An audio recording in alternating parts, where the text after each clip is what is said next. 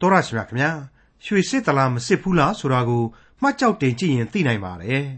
ငွေစစ်တလားမစစ်ဘူးလားဆိုတာကိုလည်းစစ်ဆေးကြည့်ရင်သိနိုင်ပါတယ်ဒါဆိုရင်လူကိုရောဘယ်လိုစစ်နိုင်မလဲစိတ်ငဲကြောက်ကဲခတ်ဖို့ထက်လူခဲခတ်ရတာကပိုးပြီးတော့ခက်တယ်ဆိုတဲ့စကားရှိပါတယ်မှန်ပါတယ်ခင်ဗျာလူတစ်ယောက်ရဲ့အတွင်းသဘောအတွင်းမနှောကိုအကဲခတ်နိုင်ဖို့ဆိုတာမလွယ်ပါဘူးဒါပေမဲ့ဒီကနေ့တင်ပြရသောတမချန်းအစီအစဉ်မှာလေ့လာမှာဖြစ်တဲ့ ခရိယန်သမကျမ်းဓမ္မဟောင်းကျမ်းပိုင်းတွေကတုတ်တန်ကျမ်းအခန်းကြီး29အခန်းငယ်73ကနေအခန်းငယ်29အထိမှာတော့လူခဲဘလူခတ်နိုင်တယ်ဆိုတာကိုဖော်ပြထားပါတယ်။ပန်းသတင်းလေးညှင်းဆောင်လူသတင်းလူချင်းဆောင်ဆိုတဲ့စကားနဲ့ဆင်ဆင်တူပါတယ်။လူကိုစစ်ဆရာဖို့သူတစ်ပါးချီးမွမ်းခြင်းရှိ၏လို့ဖော်ပြထားပါတယ်။ပြည့်အစဉ်ပြခနာဆိုတဲ့စကားလည်းရှိပါတယ်။ဘလောက်ပဲမိုက်ခဲ့မိုက်ခဲ့ဘလောက်ပဲဆိုးခဲ့ပေခဲ့ မှားခဲ့တာတွေကို အမှားမှန်သိတဲ့နေ့ဟာကောင်းဖို့စတင်တဲ့နေ့ပါပဲဒါပေမဲ့မှားမှန်ကို အမှားမှန်မသိတဲ့သေမနာပြုံမနူးလူစားတွေလည်းရှိတယ်ဆိုတဲ့အကြောင်းစပားနဲ့အတူရောပြီးကြပွေနဲ့ထောင်းမိမဲ့လို့မှားတာကိုမှားမှန်မသိတဲ့လူမိုက်တွေရှိတယ်လို့ဖော်ပြထားတဲ့တုတ်တန်ကျမ်းအခန်းကြီး29အခန်းငယ်73ကနေအခန်းငယ်29အထိကိုဒေါက်တာထွန်းမြတ်အေးကအခုလိုလေ့လာရှင်းလင်းဖော်ပြมาဖြစ်ပါတယ်။ တင်ပြရသောသမာကျမ်းရဲ့မိတ်ဆွေတော်တတ်ရှင်အပေါင်းတို့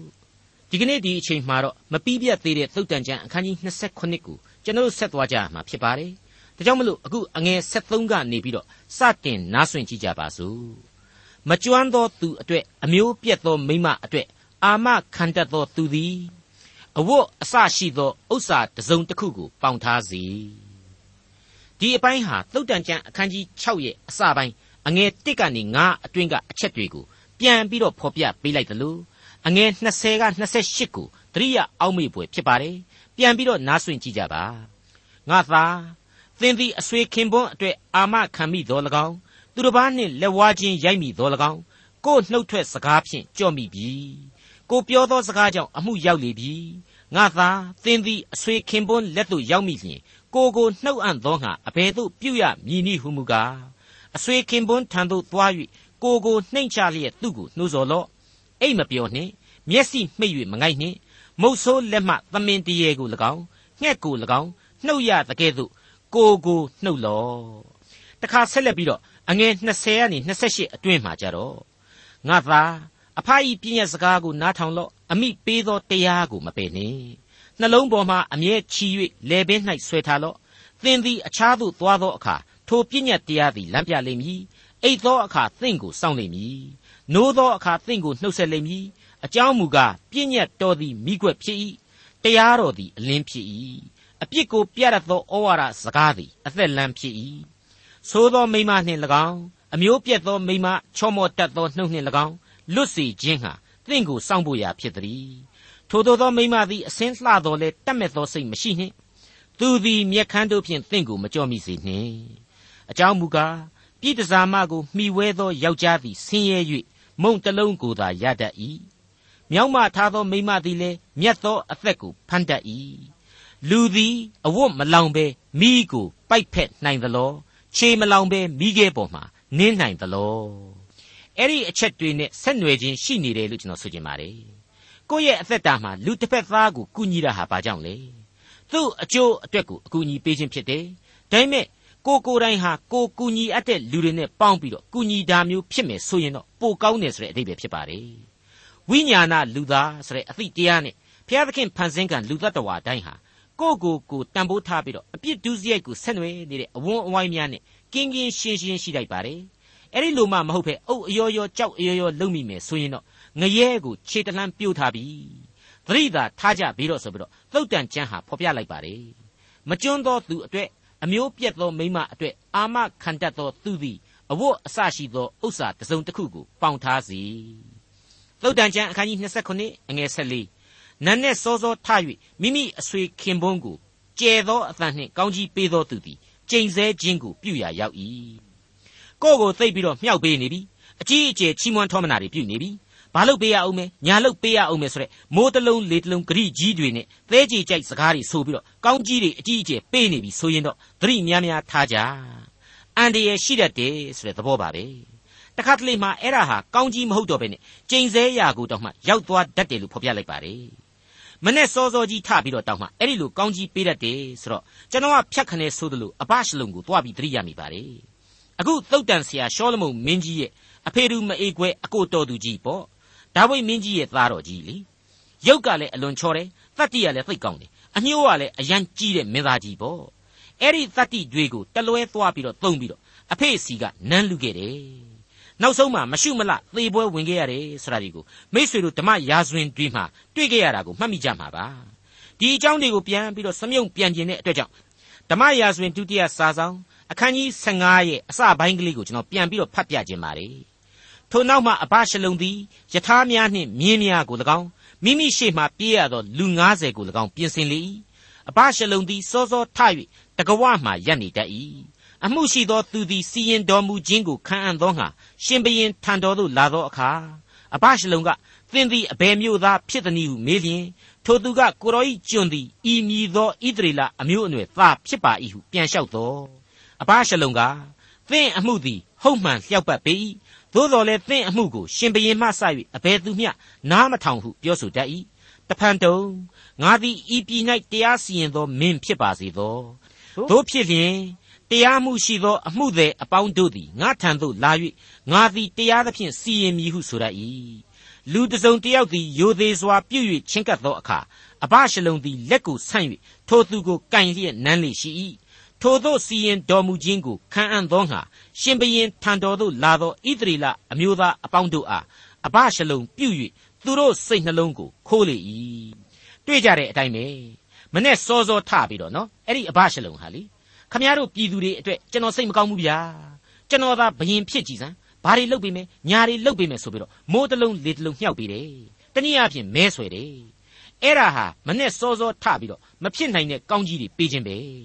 အဲ့ဒီလိုကောင်းကြီးပေးတာတွေကိုအဟုတ်မှန်ပြီးတော့ခေါင်းညိတ်မိတဲ့လူတွေဟာသဘုံတွေဖြစ်ကုန်ခဲ့ကြတယ်ဘူးမသိဘာမသိနဲ့အဟုတ်မှန်ပြီးတော့သူ့နောက်ကိုလိုက်ခဲ့ကြတာလေနောက်ဆုံးအသေးဆိုးနဲ့သေကုန်ခဲ့ကြရတယ်ဆိုတာကိုဆက်ပြီးတော့သမိုင်းမှာထင်ရှားတွေ့နိုင်ပါတယ်မိတ်ဆွေအပေါင်းတို့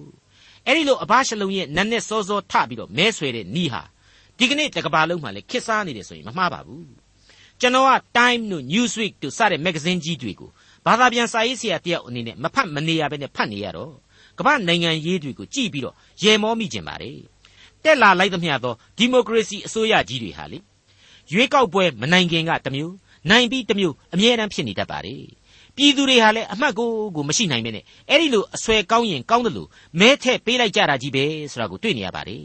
အဲ့ဒီလိုနီးနဲ့ပဲသတင်းစာတွေကဝိုင်းပြီးနောက်ကျပြောင်ကြပြည်သူတွေကလည်းစူကြပူကြဆန္ဒပြကြနေတန်တရားဟာအစင်တစိုက်လဲနေတယ်လို့ဒီမဂ္ဂဇင်းတွေအရာကျွန်တော်ဆိုချင်ပါတယ် အဲ့ဒီလိုနက်နဲ့စောစောအသံတွေကိုနားမဆွင့်လို့တော့လည်းမရနိုင်ပါဘူးနားဆွင့်ထောင်ကြပါဒါပေမဲ့နေတာကုံလွန်တဲ့အချိန်မှာတော့ဒါဝိမင်းကြီးရဲ့ဆာလံတီချင်းအမှတ်၄ကဏီကုံလေးအတိုင်ပဲပေါ့အကျွန်ုပ်သည်လုံခြုံစွာနေရသောအခွင့်ကိုဘယ်နိုင်ငံရေးသမားကမှမပေးနိုင်ကိုတော့အရှင်ထာဝရဘုရားသာလျှင်အခွင့်ပေးနိုင်တော်မူ၏ဆိုပြီးတော့ကျေးဇူးတော်ကိုချီးမွမ်းနိုင်ကြပါစေလို့ဆုတောင်းမေတ္တာပို့သလိုက်ပါရစေသုတ်တန်ကျမ်းအခန်းကြီး29အငယ်15နဲ့16 ရန်တွေ့တတ်သောမယားသည်မိုးသီးထန်စွာရွာသောနေ့၌အဆက်ဆက်ကြသောမိုးပေါက်နှင့်တူ၏ထိုမိမကိုသိမ့်ထားသောသူသည် လေကိုသိမ့်ထားသောသူနှင့်တူ၏လက်ရလက်၌လိန်သောနန့်သာစီကိုဝှဲ့၍မထားနိုင်ကျွန်တော်တို့အထက်ထက်ကြားရတဲ့အချက်ဖြစ်ပါတယ်ရန်တွေ့တတ်သောမိမအကြောင်းကိုအထက်ထက်ဖော်ပြတဲ့အတွက်ကြောင့်မိန်းကလေးဒူကြီးစိတ်မညစ်ပါနဲ့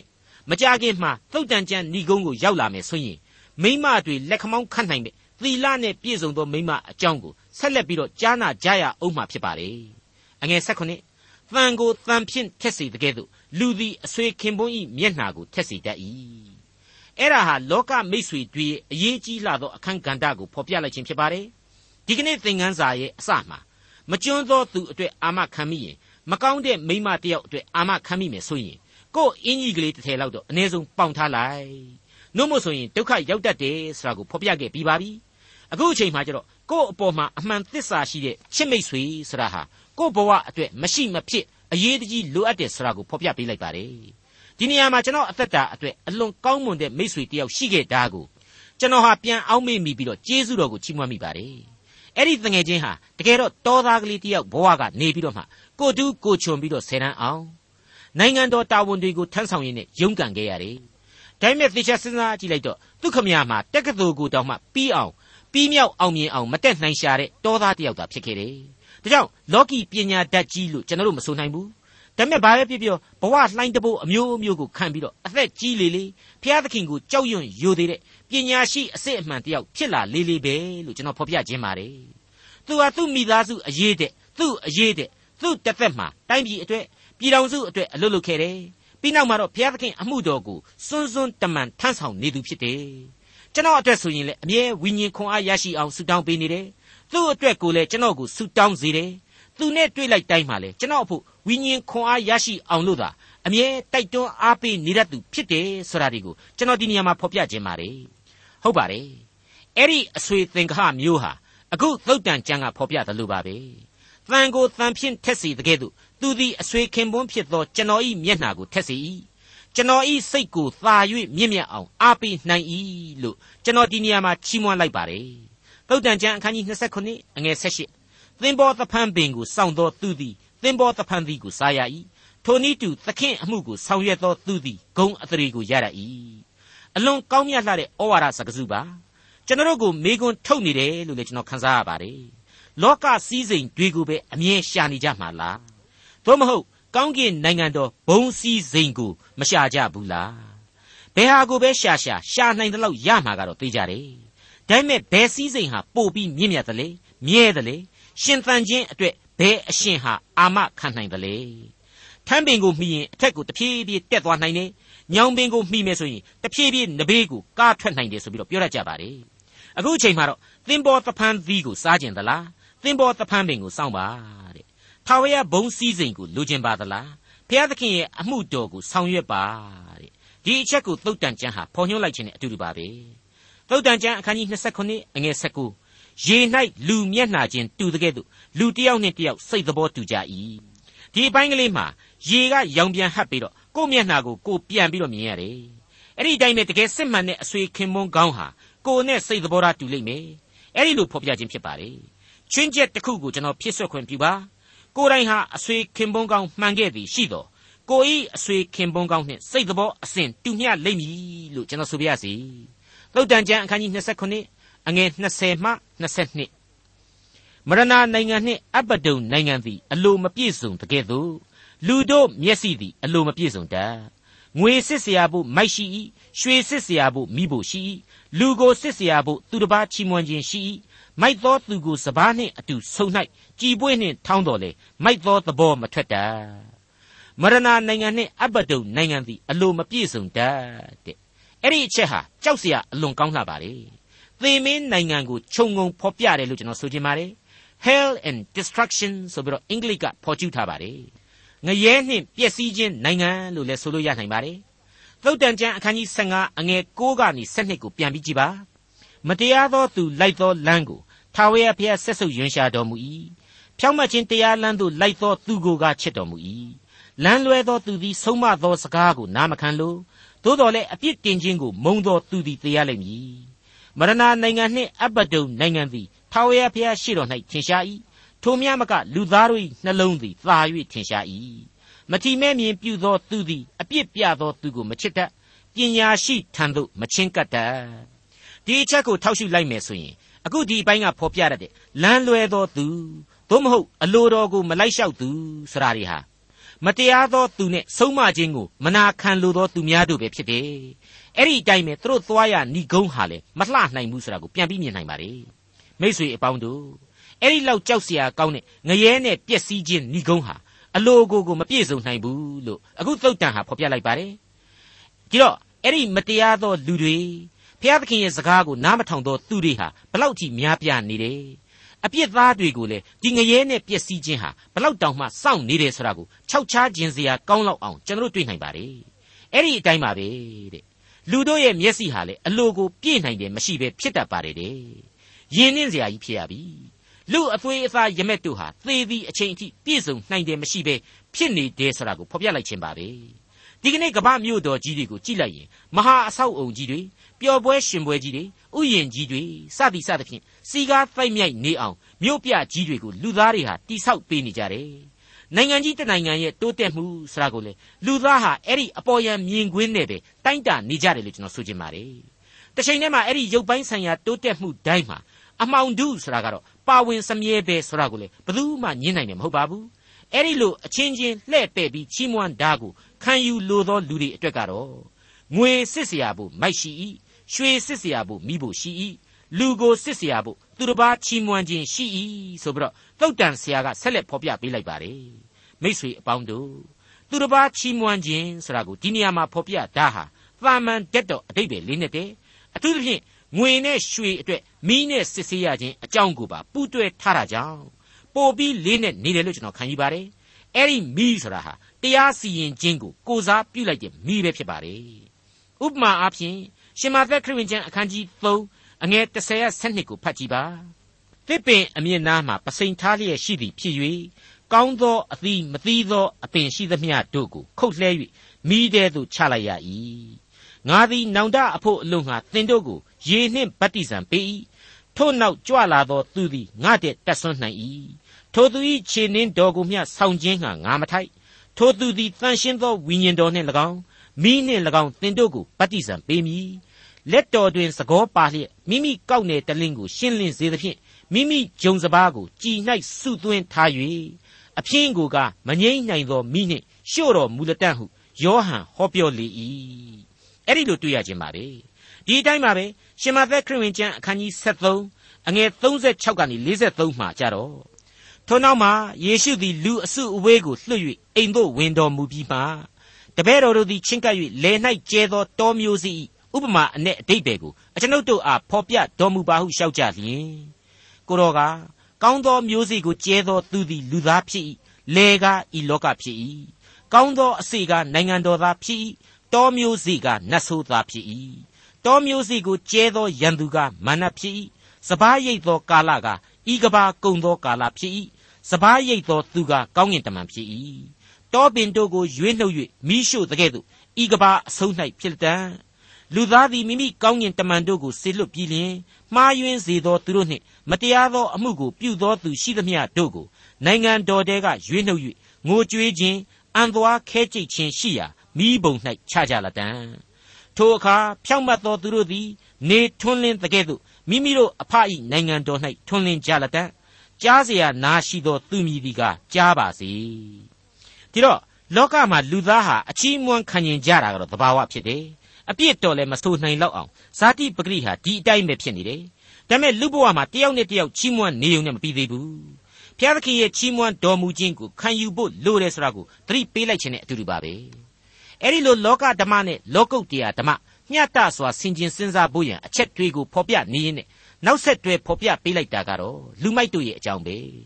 မိုက်သောသူကိုစပားနှင့်အတူဆုံ၌ကြည်ပွေးနှင့်ထောင်းတော်လေမိုက်သောသဘောမထွက်တတ်ဆိုပြီးတော့လူမိုက်တို့ရဲ့အမိုက်ဂုံကြီးကိုဟာသမြောက်လောက်အောင်ဖော်ပြပေးလိုက်ပါတယ်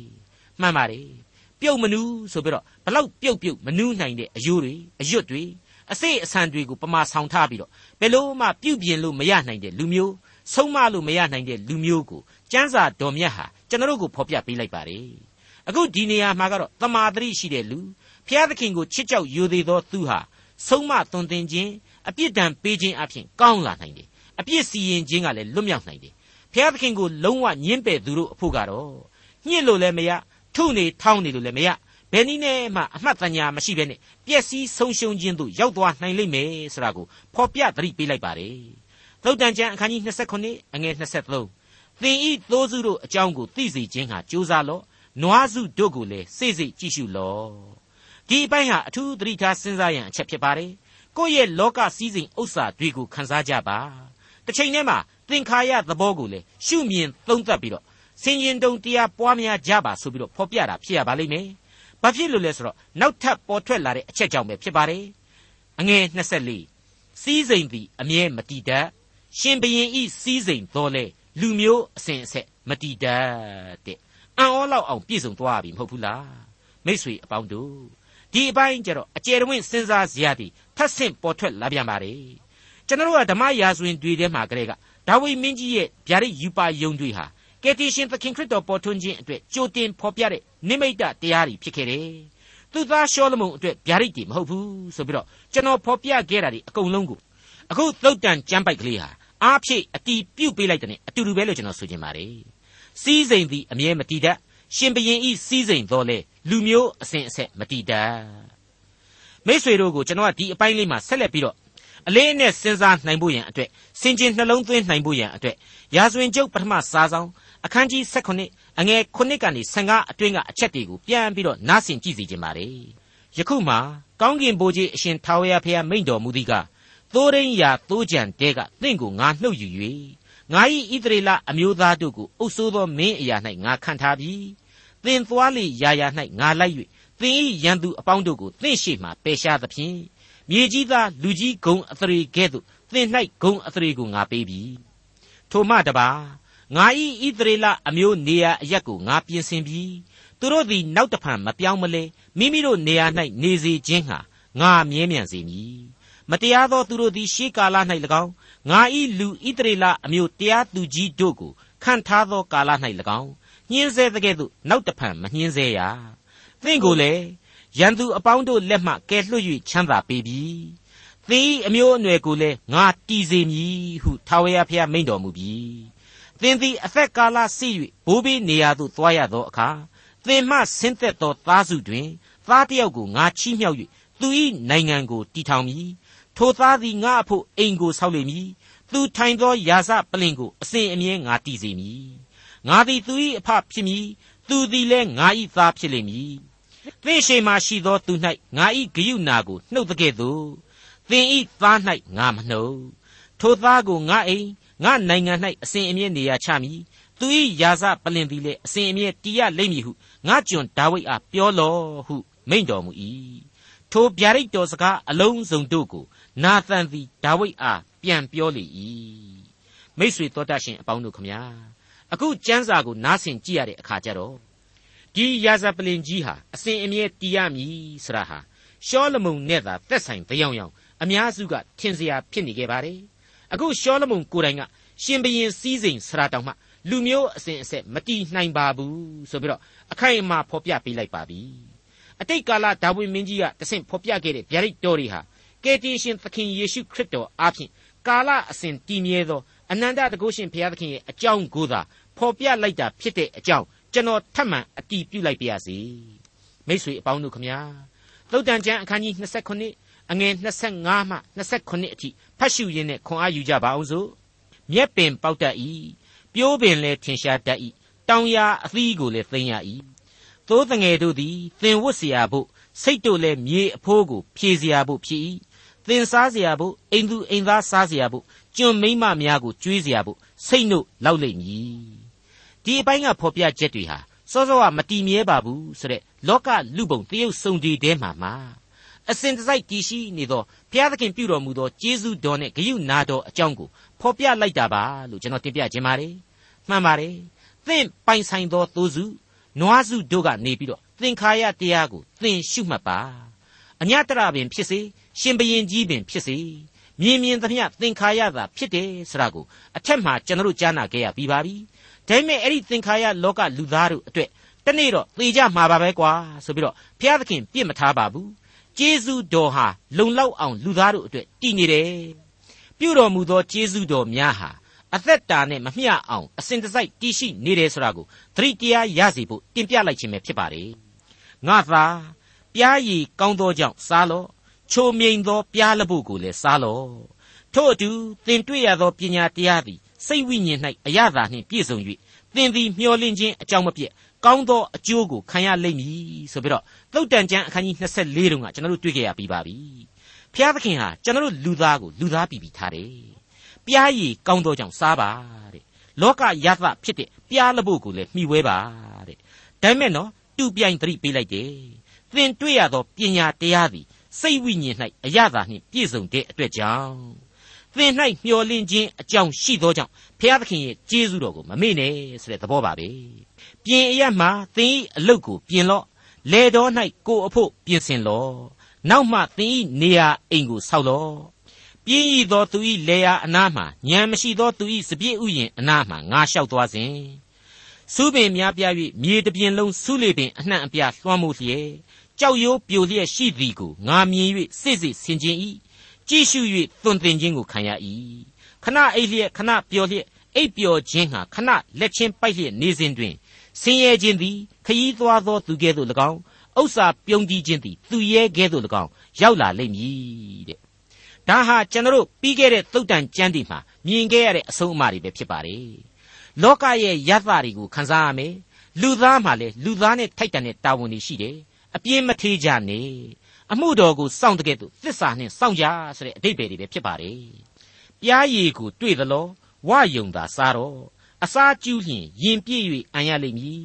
ပြားရည်ကိုစားကျူးလျင်မကောင်းတကဲ့သို့ကိုဂုံအသရေကိုရှာလျင်ဂုံအသရေမရှိကိုစိတ်ကိုမချုပ်တီးနိုင်သောသူသည်မြို့ရိုးပြိုပြက်၍ဟင်းလင်းရှိသောမြို့နှင့်တူ၏ဒီအချက်တွေကိုလေသုတ်တန်ကျမ်းအခန်းကြီး25ဟာဆက်လက်ပြီးတော့ကျွန်တော်တို့ဖော်ပြပေးခဲ့ပါတယ် ကျွန်တော်တို့အတွက်အလွန်ကောင်းမွန်သောသတိတရားများကိုသုတ်တန်ကျမ်းဟာသွန်သင်ပေးလျက်ရှိနေပါတယ်မိษွေအပေါင်းတို့ခမညာသင်္ခါရဓမ္မကိုကျွန်တော်တို့လူဘဝမှာရယူအောင်သုတ်တန်ကျမ်းအဖြစ်ဘုရားသခင်ပြုပြင်ပေးလျက်ရှိနေတဲ့အကြောင်းတင်ပြလိုက်ပါတယ်သင်ဤသိုးစုအကြောင်းတို့ကိုသိခြင်းဟာကြိုးစားလော့နွားစုတို့ကိုလည်းစိတ်စိတ်ကြည့်ရှုလော့စီးစိမ်သည်အမြဲမတည်တတ်ရှင်ဘရင်ဤစီးစိမ်တော်လေလူမျိုးအစဉ်အဆက်မတည်တတ်မြက်ပင်ပေါက်တတ်၏ ပြိုးပင်လည်းထင်ရှားတတ်၏တောင်ယာအသီးကိုလည်းသိမ်းရ၏သိုးတငယ်တို့သည်သင်ဝတ်เสียဖို့စိတ်တို့လည်းမြေအဖိုးကိုဖြည့်เสียဖို့ဖြစ်၏သင်စားเสียဖို့အိမ်သူအိမ်သားစားเสียဖို့ကျွန်မိမများကိုကြွေးเสียဖို့စိတ်နှုတ်လောက်လိမ့်မည်ကျေးဇူးတော်အပေါင်းဟာဝိုင်းဝိုင်းလဲနေပါတယ်မိတ်ဆွေဒီဖျားသခင်ကိုယုံကြည်ကိုးကွယ်စိတ်ကပ်ကြပါစို့ဒေါက်တာထွန်းမြတ်ရေးစီစဉ်တင်ဆက်တဲ့တင်ပြရသောတမချန်းအစီအစဉ်ဖြစ်ပါတယ် နောက်တစ်ချိန်အစီအစဉ်မှာခရိယန်တမချန်းဓမ္မဟောင်းကျမ်းပိုင်းတွေကတုတ်တန်ကျမ်းအခန်းကြီး28ကိုလေ့လာမှဖြစ်တဲ့အတွက်စောင့်မျှော်နားဆင်နိုင်ပါတယ်။